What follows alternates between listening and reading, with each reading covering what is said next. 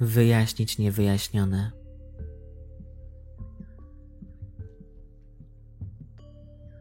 Witajcie. Zapraszam Was na kolejny odcinek z cyklu Polskie zagadki kryminalne. Dziś opowiem o sprawie, która budzi moje wątpliwości. Po raz kolejny młoda kobieta znika bez śladu. Ponownie akcja zdarzenia ma miejsce w Krakowie. Sprawa rozgrywa się na kilka miesięcy po zaginięciu Małgorzaty Szabatowskiej. To właśnie te dwie sprawy były łączone ze sobą przez mieszkańców Krakowa. Tutaj muszę też przyznać otwarcie. Obie kobiety były do siebie podobne, zarówno pod kątem cech fizycznych, jak i cech charakteru.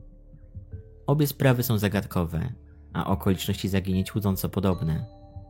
Wielu zadaje sobie pytanie, czy to tylko zbieg okoliczności, czy działanie seryjnego sprawcy. Jest jeszcze jeden, wspólny mianownik w obu sprawach. Zbiornik wodny na Zakrzówku. To właśnie tam krzyżują się drogi kobiet. Zapraszam do wysłania historii Agnieszki Miedziak.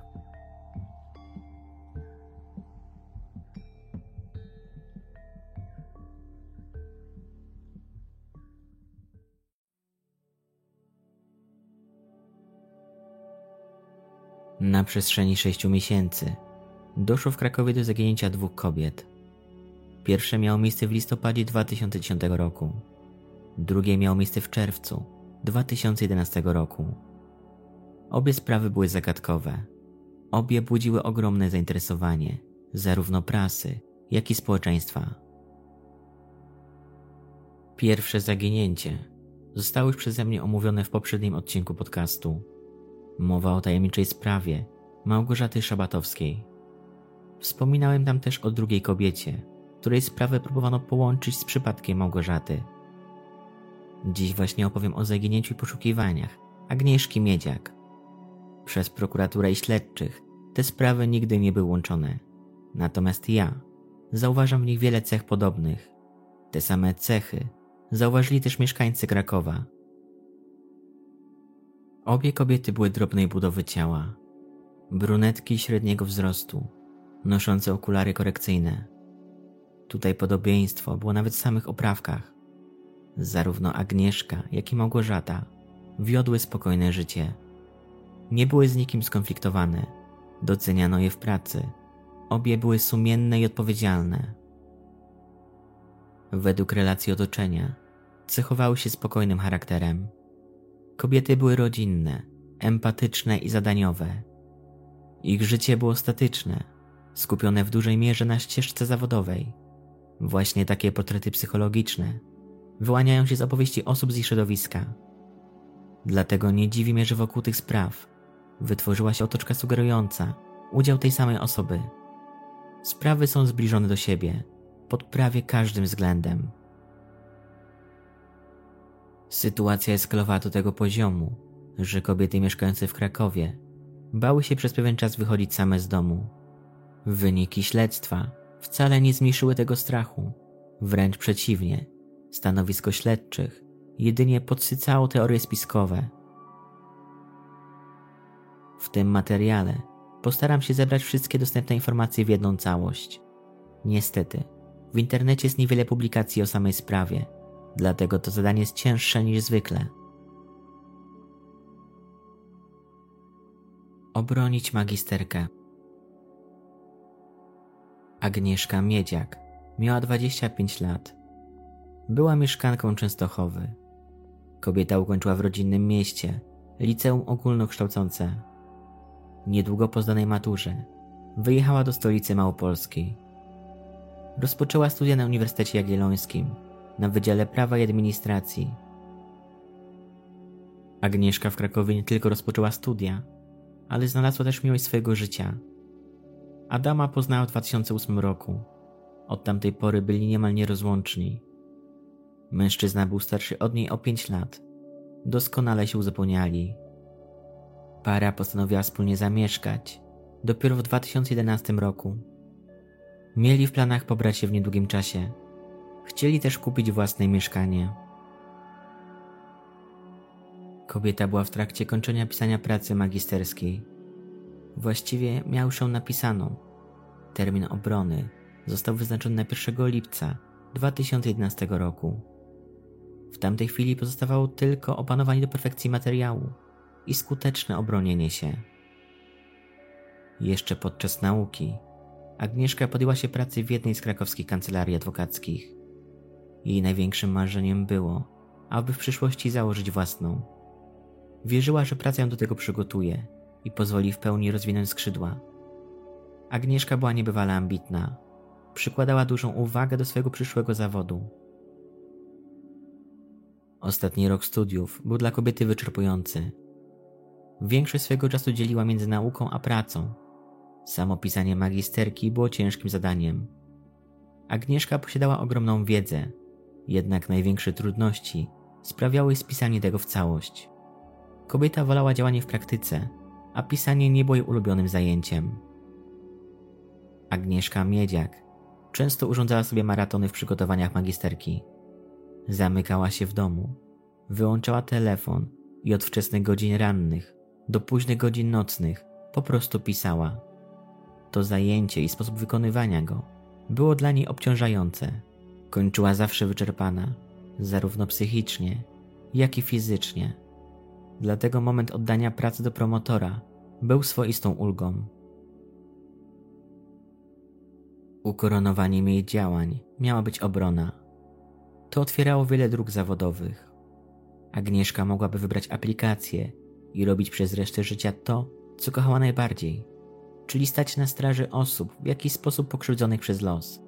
Takich, którzy potrzebowali tej obrony. Agnieszka bezkreślnie wierzyła w wymiar sprawiedliwości.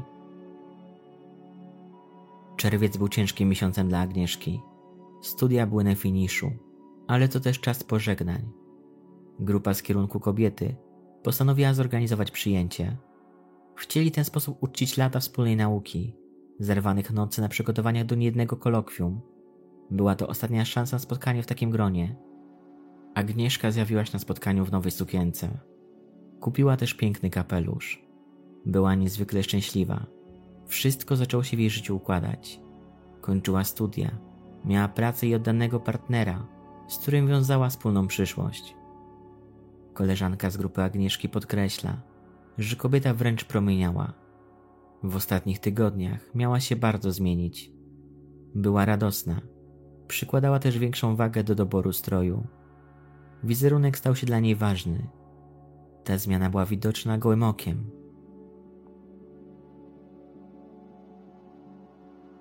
Spacer po rynku w Krakowie 28 czerwca 2011 roku Agnieszka Miedziak spędziła prawie cały dzień w domu. Uczyła się pod zbliżającą się obronę pracy magisterskiej. Umówiła się jednak z Adamem, że wieczorem wybiorą się popływać na basenie. Miała to być forma odpoczynku po ciężkim dniu nad książkami. Gdy Adam zadzwonił do Agnieszki o godzinie 20.20, powiedziała mu, że jednak nie ma ochoty tego dnia na basen Zaproponowała, aby w formie odpoczynku wybrali się na spacer po krakowskim rynku. Umówili się w okolicach jednej z księgarni. Mieli pochodzić po rynku i wrócić pieszo do mieszkania. Para była umówiona na godzinę 21. Agnieszka wcześniej rozpoczęła sprzątanie mieszkania. Wstawiła pranie do pralki.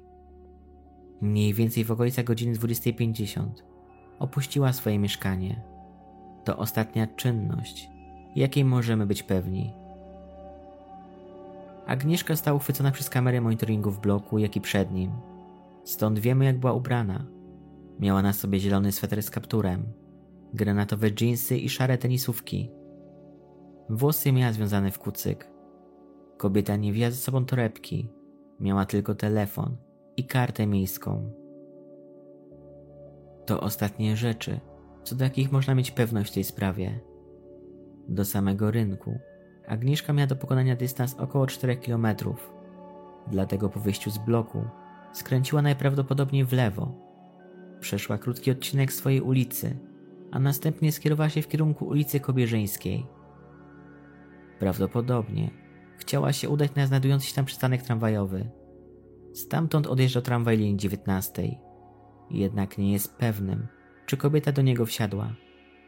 Mogła też udać się w zupełnie innym kierunku i po wyjściu z budynku skręcić w prawo, aby na rynek dostać się szybkim marszem. Adam w tym czasie czekał na ukochaną wyznaczonym na spotkanie miejscu. Agnieszka nie zjawiła się. Mężczyzna próbował się do niej dodzwonić. Niestety, po drugiej stronie słuchawki nie było żadnej reakcji. Adam pozostał na miejscu jeszcze przez niespełna godzinę. Liczył na to, że dziewczyna po prostu się spóźnia lub przegapiła tramwaj. Po upływie tego czasu postanowił wrócić do mieszkania. Niestety nie zastał tam Agnieszki. Wszystko zostało na swoim miejscu, a w pralce znajdowały się wybrane już ubrania. Wyglądało to tak, jakby kobieta wyszła tylko na chwilę i zaraz miała wrócić. Czas mijał nieubłaganie, a z każdą kolejną godziną niepokój Adama narastał. Ciągle jeszcze wierzył w to, że Agnieszka mimo wszystko udała się na rynek. Być może pomyliła drogi i zaraz wróci do domu ostatnim tramwajem. Tak się jednak nie stało. Agnieszka Miedziak już nie wróciła do swojego mieszkania. Gdy nastała północ, Adam zaczął telefonować po wszystkich krakowskich szpitalach. Pytał o kobiety o podobnym rysopisie do swojej dziewczyny.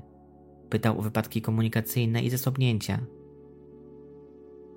Rankiem 29 czerwca Adam zgłosił zaginięcie Agnieszki na policji. Policjanci szybko przystąpili do działań, nie tracąc ani chwili.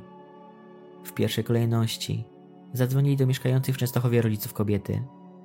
Najpewniej chcąc sprawdzić, czy nie ma jej przypadkiem w domu rodzinnym. Dla rodziców Agnieszki ta informacja była ogromnym szokiem. Telefon wyrwał ich ze snu, doprowadzając do szybkiego rozbudzenia się. Poszukiwania Agnieszki.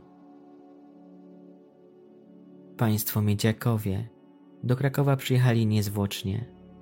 Gdy tylko dotarli na miejsce, rozpoczęli poszukiwania na własną rękę. Zaczęli od najbliższego otoczenia mieszkania córki. Centymetr po centymetrze sprawdzali wszystkie krzaki i zarośla.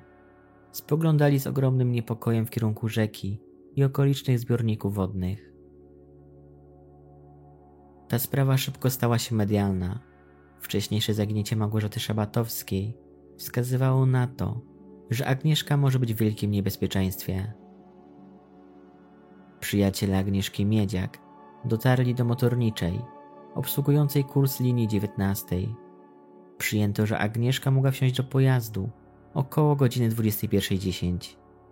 Niestety, motornicza nie zapamiętała kobiety o takim rysopisie. Zdjęcie zaginionej też nie pozwoliła, aby cokolwiek sobie przypomniała. Uznała, że jest to prawdopodobne, aby kobieta jechała tym kursem, jednak nie jest w stanie dać gwarancji. Podobnie było z osobami znajdującymi się na przystanku. Nikt nie zauważył nic niepokojącego. Do nich też dotarli znajomi Agnieszki. Pomogła im w tym specjalna grupa utworzona na jednym z portali społecznościowych. Ślad po Agnieszce Miedziak urywa się zaraz po wyjściu z bloku. Śledczy chcieli sprawdzić nagrania z kamery monitoringu Poczty Polskiej. Znajduje się ona w pobliżu przystanku, na którym Agnieszka powinna wysiąść. Niestety, tego dnia kamery okazały się być niesprawne. Powoli przestajemy już to dziwić. O jakiejkolwiek sprawie zaginięcia nie tworzyłbym podcastu, to za każdym razem spotykamy się z niesprawnymi kamerami. Rodzina i znajomi Agnieszki Miedziak w tym czasie plakatowali miasto nadal chodzili po całym Krakowie w nadziei na ślad po zaginionej kobiecie. Policja postanowiła też wtedy sprawdzić sygnały BTS. Ostatnia lokalizacja wskazywana na okolice mostu grunwaldzkiego. Do logowania telefonu Agnieszki doszło w okolicach godziny 21.37. Poszukiwania Agnieszki były prowadzone zarówno na lądzie, jak i na rzece przez komisariat wodny. Ostatnie odkrycie wskazywało na to, że kobieta mogła wpaść do Wisły. Tutaj warto zauważyć, że do ostatniego logowania telefonu Agnieszki doszło mniej więcej w połowie drogi z mieszkania kobiety do krakowskiego rynku. Uważnie przestudiowano nagrania z kamer na całej trasie. Nigdzie jednak nie ujawniono wizerunku kobiety. Wraz z upływem dni rodzice zaginionej studentki byli coraz bardziej przekonani, że ich córce ktoś wyrządził krzywdę. Hipotezy o ucieczce z domu lub działaniu na własną szkodę odrzucali. To nie pasowało do Agnieszki. Do Krakowa przyjechała nawet ekipa programu Interwencja. W reportażu wypowiadali się bliscy kobiety. Cierpienie, które ich spotkało, było ciężkie do opisania. Oczy były pełne rozpaczy, mieszającej się z nadzieją. Cały czas wierzono, że niedługo uda się odnaleźć Agnieszkę. Przerwane poszukiwania. 5 lipca 2011 roku doszło do przełomu w śledztwie. Po godzinie 18 kobieta spacerująca nad Zakrzówkiem zgłosiła policji tragiczne odkrycie. W zbiorniku wodnym zauważyła dryfujące ciało. Po przyjeździe policjantów na miejsce informacja została potwierdzona. Było to ciało młodej kobiety, pasujące opisem ubioru do zaginionej wcześniej Agnieszki Miedziak. Ujawniono również dokument tożsamości, który potwierdzał, że jest to Agnieszka. Rodzina kobiety nie zdecydowała się na osobistą identyfikację. Chcieli zapamiętać ją taką, jaka była. Dlatego też zlecono wykonanie badań DNA. Wyniki badań jedynie potwierdziły w 100% tożsamość kobiety. Zlecono również szereg badań w Zakładzie Medycyny Sądowej. Biegły medyk wykazał liczne złamania żeber oraz obecność wody w płucach.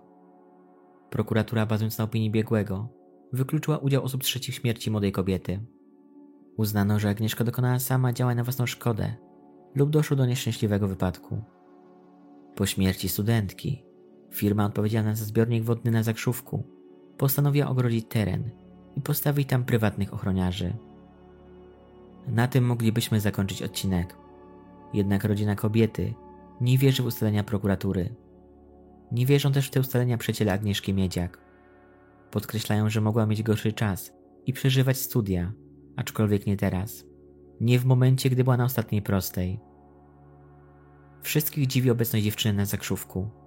To zupełnie inny obszar niż ten, w którym prowadzono poszukiwania. Dziwi też wynik badań przeprowadzonych w zakładzie medycyny sądowej. Kilka miesięcy później dochodzi do ujawnienia ciała wspomnianej już wcześniej Małgorzaty Szabatowskiej. Tutaj również wyniki badań wykazały złamania żeber. Obie kobiety nie miały powodu, aby oddalić się z miejsca zamieszkania w nieustalonym kierunku. Telefon Małgorzaty, również i przed jej śmiercią, logował się na zakrzówku. Zatem, czy w obu przypadkach mamy do czynienia z udziałem osób trzecich? Czy śledczy wiedzą coś, czego nie chcą ujawnić? Nadal pozostaje wiele pytań bez odpowiedzi. Na koniec tego materiału chciałbym skierować się do Państwa z apelem. Jeśli wiedzą coś Państwo o wspomnianych sprawach, coś co pozwoliłoby doprowadzić do ich zamknięcia, nie bójcie się anonimowo skontaktować. Mogą Państwo to zrobić pisząc na adres e-mail zamieszczony w opisie każdego materiału lub bezpośrednio pod numerem telefonu 997.